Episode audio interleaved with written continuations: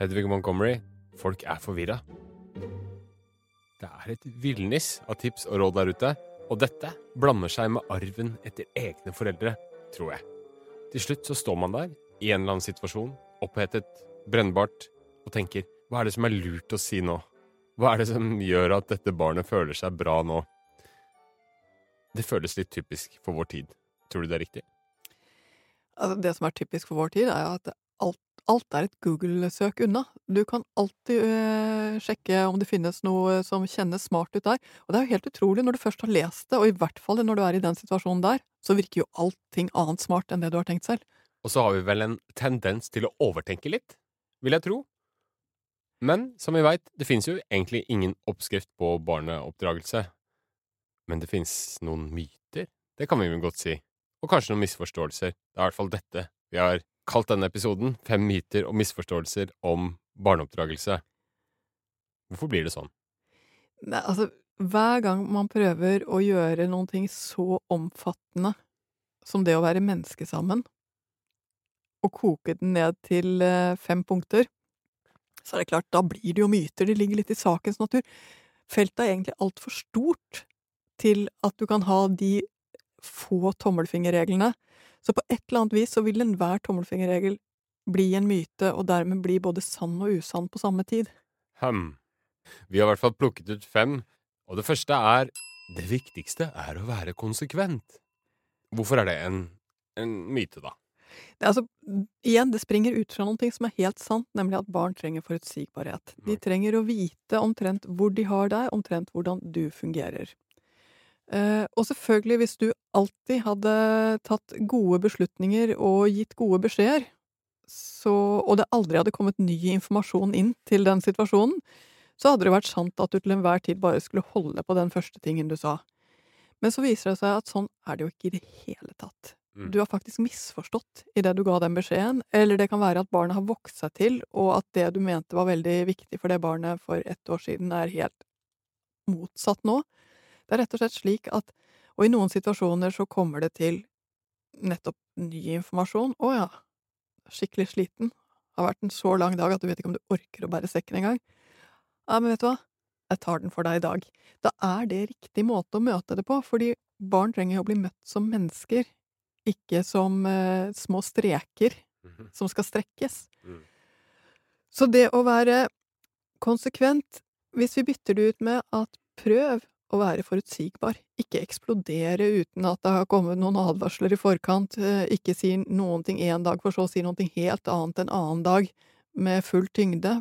Prøv å være et ålreit menneske sammen med barnet ditt, og, og vær med på den samtalen og den situasjonen som er. Ja, da kommer du faktisk lengre.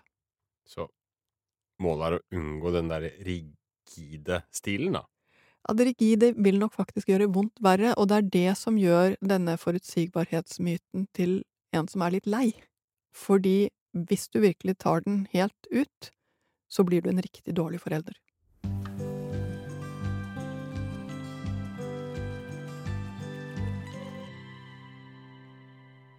Vi går videre til eh, vår andre myte for dagen, og den lyder sånn.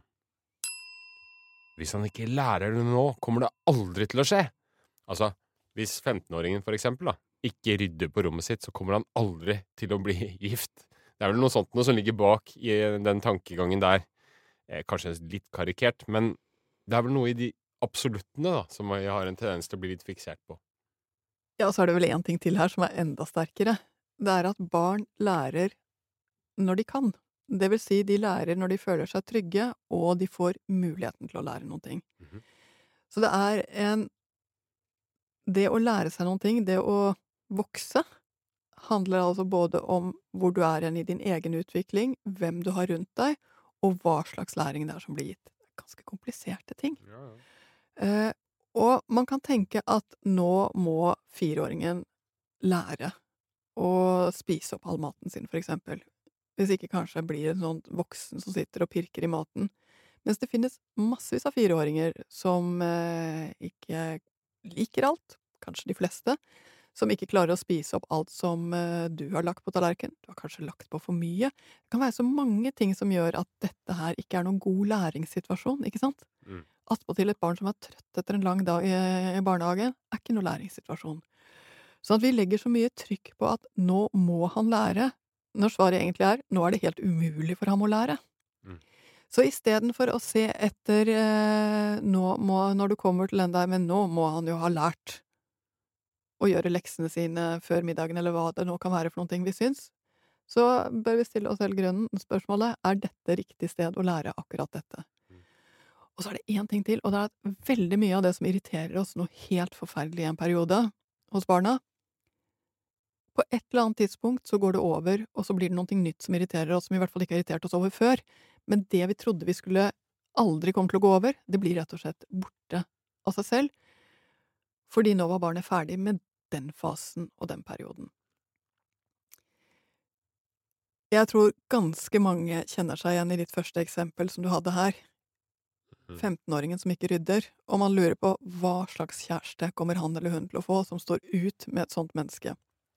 Og så glemmer vi at de potensielle partnerne er per dags dato også 14-15-16 år gamle og har det akkurat like rotete på rommet sitt. Og har også foreldre som lurer på om eh, han eller hun kommer til å kunne få seg noen kjæreste noen gang. Men så et eller annet sted i begynnelsen av 20-årene så lærer de seg kunsten å holde orden, kunsten å flørte og kunsten å leve sammen, som de har lært seg ved å leve i et hjem hvor det var plass til akkurat det. Men hva er det som gjør at de stresser med tinga? Er det, det er sånn utålmodighet om at de skal bli et voksent menneske, nesten, da, som ligger bak? Nå må du klare det, så må du klare det, så må du klare det. Sånn at vi kan, du kan bli et ordentlig menneske, sånn at vi kan, faktisk kan leve ordentlig sammen. Og da er de jo borte, for da skal de flytte for seg sjæl. Sant nok, men vi vil jo gjerne oppdra Det ligger noe veldig fint i dette her, for vi vil jo gjerne at barna på et eller annet tidspunkt skal klare seg selv. Ja.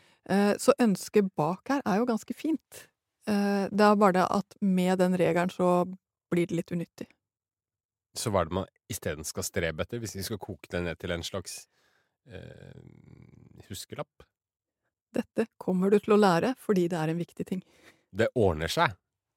Vi skal videre til eh, Du må alltid speile barnas følelser. Og jeg kjenner selv, og da kanskje det er noe gærent med meg, og det er ikke helt utenkelig, men jeg, jeg grøsser nesten litt ved sånne mantraer. Jeg, jeg føler de er så oppstilta på en eller annen måte. Derfor er jeg veldig glad for at du mener at akkurat denne setningen er en sannhet med modifikasjoner. Og hvorfor er det det?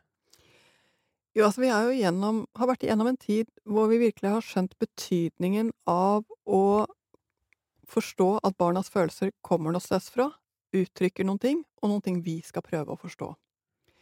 Og så har vi prøvd å gjøre det til noen ting som er igjen litt sånn quick fix, nemlig at hvis du bare da sier til barnet som er sint, og nå er du sint, eller sier til barnet som er frustrert, og nå er du frustrert, så skal det på et eller annet magisk vis løse opp situasjonen.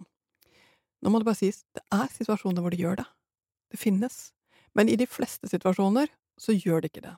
Da det sinte barnet sier 'nei, jeg er ikke sint i det hele tatt', eh, det frustrerte barnet eh, blir enda mer uh, bollstyrig, og så videre. Altså, det å møte barnets følelse er for det første ikke en så quick fix som det man håper når man leser bøkene.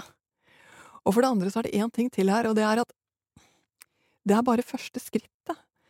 Det at barnet skjønner at du forstår den følelsen som han eller hun sitter med, det er bare å koble seg på. Det kommer ikke noe videre av det.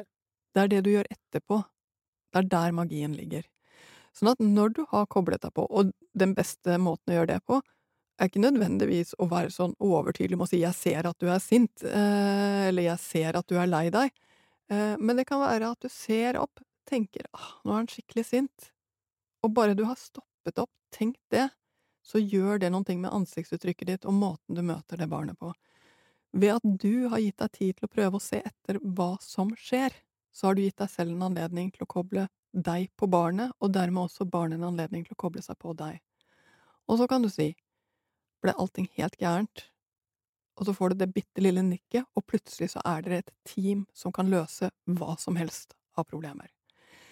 Så det handler ikke om å anerkjenne barnets følelser som en selvstendig størrelse, det handler ikke om å speile barnets følelser som en teknikk som løser ting. Det handler om å koble seg på der hvor barnet er, sånn at dere sammen skal kunne gå videre, bort fra det stedet hvor det var dårlig å være. Ja, hvordan kommer man videre vekk fra det stedet hvor det var dårlig å være? Ja, igjen, du har hele tiden fordelen av at du ikke er tre, fire, fem, eller for den delen 15 eller 16 år selv, men at du har en voksen, utviklet hjerne. Sånn at du vet litt grann hva man skal gjøre for noen ting. Når du skal lære deg å tegne et hjerte, eller når en brødskive har falt på bakken, eller eh, når eh, husken eh, ikke vil gå rett frem. Du har litt mer eh, kunnskap om hvordan man gjør dette her, og for den delen også om hva man gjør for noen ting når kjærlighetssorgen har rammet. Du må bruke din livserfaring til å være til hjelp. Mm. Et annet begrep som dukker opp i sånne sammenheng, er jo å validere barnas følelser. Det er altså et sånt mantra, ja. Hva, hva, hva, ligger i det? Er det det samme? Altså, I å validere så betyr det at du skal gi barnas følelse en verdi, og i dette tilfellet en kommunikasjonsverdi. Du skal faktisk la barnas følelser bety noen ting. Og så kan du si det hadde faktisk vært mye lettere hvis det var sånn man sa det. Lar du de følelsene som kommer, hvis du prøver å bruke dem til det de er, nemlig kommunikasjon, og så prøver å skille, for noen ganger så er barnas følelser bare spillover av for lite søvn eller eh, for lite mat eller eh, for slitsomme søsken eller for mye bråk. Da er det mer å ordne opp i situasjonen det handler om. Men se alltid etter hva er det det handler om når et barn havner i full øh, følelsesblomstring. Ja, vi holder på å gå gjennom eh, fem myter og misforståelser om barneoppdragelse, eller i hvert fall kanskje fem vedtatte sannheter som ikke nødvendigvis er så vedtatte likevel. Eh, og vi har kommet til nummer fire. Det er ikke mulig å skjemme bort barn. Altså, det er ikke mulig å gi det for mye kjærlighet, det er ikke mulig å dulle for mye og dille for mye, fordi at det kommer de til å vokse på. Eller som Astrid Lindgren en gang sa, gi barna kjærlighet, mer kjærlighet, og enda mer kjærlighet, så kommer manerene av seg selv. Mener du at hun tok feil, Hedvig? Altså, jeg skulle jo ønske at jeg kunne si at hun hadde rett. Fordi jeg elsker sitatet. Det er så fint. Og det er absolutt noe sant i det. Skal du få noen til å stole på deg, så må du først vise at du liker den personen. Du må først vise dine kort og din kjærlighet og velvilje. Så hun har så absolutt rett i at uten kjærlighet, ingen barneoppdragelse. Det er virkelig, virkelig sant. Uten kjærlighet så er det ikke barneoppdragelse. Da er det en eller annen form for uh, svikt. Mm. Så hun har så rett i at kjærlighet er grunnplanken. Det er når du liker noen, at du kan gi råd, at du kan lære bort, at du kan gå videre. Men det er vel nettopp det som også ligger i eh, min lille innvending mot dette her, for det er fortsatt massevis av annet barn trenger. De trenger hjelp med ting, de trenger råd til ting, de trenger å se hvordan det fungerer, de trenger å komme seg på skolen, de trenger å faktisk se noen som spiser ålreit med kniv og gaffel innimellom, for å skjønne at det er sånn det skal gjøres. De trenger inspirasjonen. Så kjærligheten er, som Astrid Lindgren sier, helt riktig grunnplanken, men den er ikke nok. Det er alt det andre du også gjør som betyr noen ting, og det betyr én ting til. Om man kan skjemme bort barn? Det er jo et godt spørsmål. Og hvis du ikke Det som skjer hvis du gjør alt for barnet, gir det alt det mm. peker på, gir eh, tilpasser maten det eneste det spiser, eh, lar det få lov til å bestemme hvordan helgedagen skal se ut hver eneste helgedag og hver eneste ukedag på, på, når dere er sammen, så vil du få et barn som ikke får lov til å prøve selv, ikke får lov til å finne ut av hvordan det egentlig fungerer, og faktisk ikke finner ut hvordan det egentlig er å leve i en familie. For i en familie så er det ikke én som bestemmer hele tiden. Det blir noe usant i det. Mm. Og det er jo der du kommer inn på det som gjør akkurat dette utsagnet litt grann feil. Mm. Fordi det skaper en ubalanse i familien. Mm. Barnet er viktig og trenger masse kjærlighet i familien. Det trenger de andre også. Altså at man trenger noe å bryne seg på. Man trenger litt motstand, man trenger litt utfordringer. Man trenger å høre at alt ikke bare er greit alltid. Er det det? Ja, og man trenger å, å se at ok, selv om du bare liker spagetti, så ligger det to brokkolibiter ved siden av, spis dem hvis du har lyst.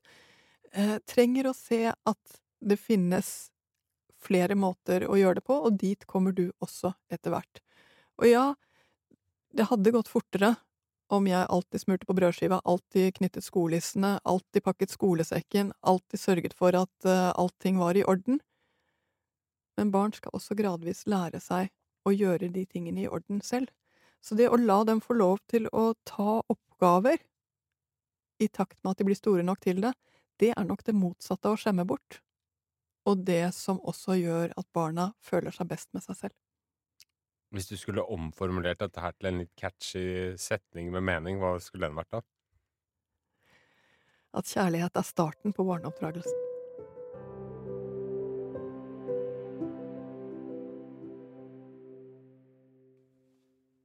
Vi har kommet til vår femte myte for dagen, og den lyder sånn.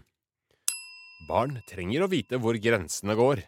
Der går grensa. Kan ikke grise sånn. Komme så seint hjem. Nå er det nok. Slike setninger uh, uttales vel på daglig og timebasis i, i mange hjem. Um, barn trenger grenser, og det gjør det jo. Men alt med måte. Er det det som er ditt poeng her? Nei, mitt poeng er at uh, barn kan absolutt ikke ta de store beslutningene om sine egne liv. Uh, de trenger noen som lager rammer for dem. På et eller annet nivå. Som handler om hva de skal spise, når de skal legge seg, hva som skal skje, rett og slett. Det er et voksenansvar. Det er bare det at det voksenansvaret tar vi jo sammen med barnet når alt kommer til stykket. Sånn at hva som er å gjøre leksene godt nok, eller hva som er riktig innetid, slike ting er ikke så hugget i stein, eller hva som er riktig eh, mengde med ukepenger, eller om det skal være ukepenger. Det er så mange ting av dette man kan diskutere. Og så tenker jeg på det, hva er kjærlighet for noen ting? Jo, etter at man har hatt denne første intense forelskelsen når man har truffet noen, hvor man sier ja til absolutt alt som den andre vil ha, så kommer man til et punkt, og det skjer omtrent etter syv måneder, og man begynner å uh, si at jeg kanskje ikke er så glad i uh, spenningsfilmer, eller uh, egentlig er jeg ikke noen stor kjøttspiser. Man begynner liksom å vise frem kortene sine, og da går man inn i en ganske lang periode som handler om å forhandle plass i et parforhold. Hvor tett kan vi sove, hvor mye skal du være ute med dine venner, Eh, hvor ofte skal vi drikke vin? Altså, det er så mange ting man rett og slett finner ut ved å være sammen, og som til slutt gjør at man elsker den andre. Mm.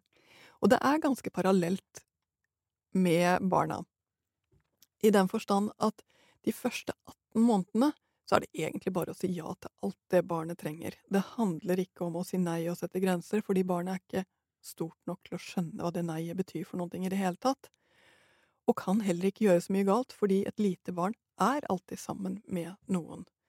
Og barnet trenger det helt ubetingede jaet igjen og igjen og igjen. Men så får barnet språket som blir bedre, får større radius, begynner å gjøre mer, og trenger den tryggheten som ligger i at man vet at det der der er ikke en smart ting å gjøre, eller nå er det dette måltidet vi skal spise. De trenger rett og slett den der voksne ledelsen. Og for meg er det det grensesetting handler om. Det er voksen ledelse.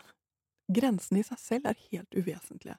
Og om 14-åringen kommer hjem klokken ti eller klokken halv ti, eller for den delen klokken halv elleve, har ikke noen veldig stor betydning. Dere kan godt få lov til å snakke litt om det og finne ut hva som passer best med bussavganger, med venner, med aktiviteten som hun skal på. Men det er godt å vite at det finnes en sånt sted som er at noen har sagt da trenger jeg at du er her. Det er også en måte å vise kjærlighet. Jeg får jo litt lyst til å komme med et sånn konkret eksempel, for vi får ganske mange henvendelser, det gjør vi. Og et av punktene som mange sliter med, er jo eh, nettopp dette her med grenser for spilletider og sånne ting. Og gitt det du akkurat nå har sagt, hva er liksom det beste rådet? Og her vil det variere ekstremt mye, jeg vet jo det, etter alder og etter mm, sikkert personlighet og alt mulig rart. Men, men, hva er det liksom beste rettesnora for foreldre som strever med dette? For det strever folk så mye med. Ja, Det er ikke rart. For å si det sånn, her, jo, her kjemper du jo ikke bare mot ditt eget barn, men mot en hel spillutviklingsbransje, uh, og de er ganske gode. Eh, jeg kan vel bare love at de har en langt høyere gjennomsnittsintelligens enn det jeg besitter. Mm.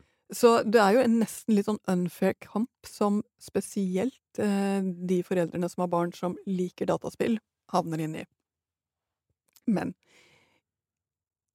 jeg tror det viktige her er å få barna med seg på betydningen av å leve et litt variert liv, og også se at de lever varierte liv, at de går på skolen, at de gjør andre ting, at de sover de åtte-ni timene de trenger, altså at det er andre ting som skjer som gjør barnet godt, og å lære barna betydningen av de andre tingene, heller enn å gå til kamp mot spillingen.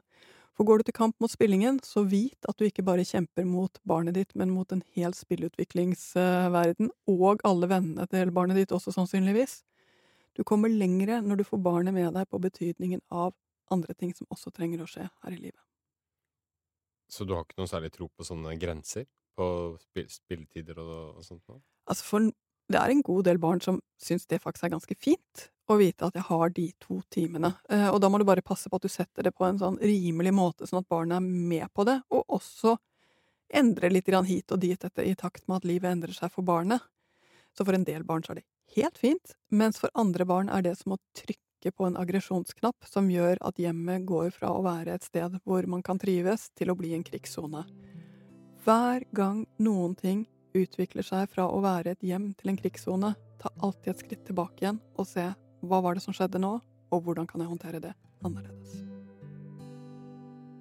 Det syns jeg var en fin punchline på denne episoden her, hvor vi har eh, slått hull på noen myter og kanskje oppklart noen misforståelser. Uansett så skal du ha takk for at du hørte på. Minner om, som alltid, at det finnes en hel haug med gamle Foreldrekoden-episoder hvis du abonnerer hos Aftenposten eller i Podme, og vi snakker da i Aftenpostens app. Over 100 episoder, varierte temaer. Der kan du bare søke, slå deg løs, lytte og holde på. Det var alt vi hadde. Takk for at du hørte på.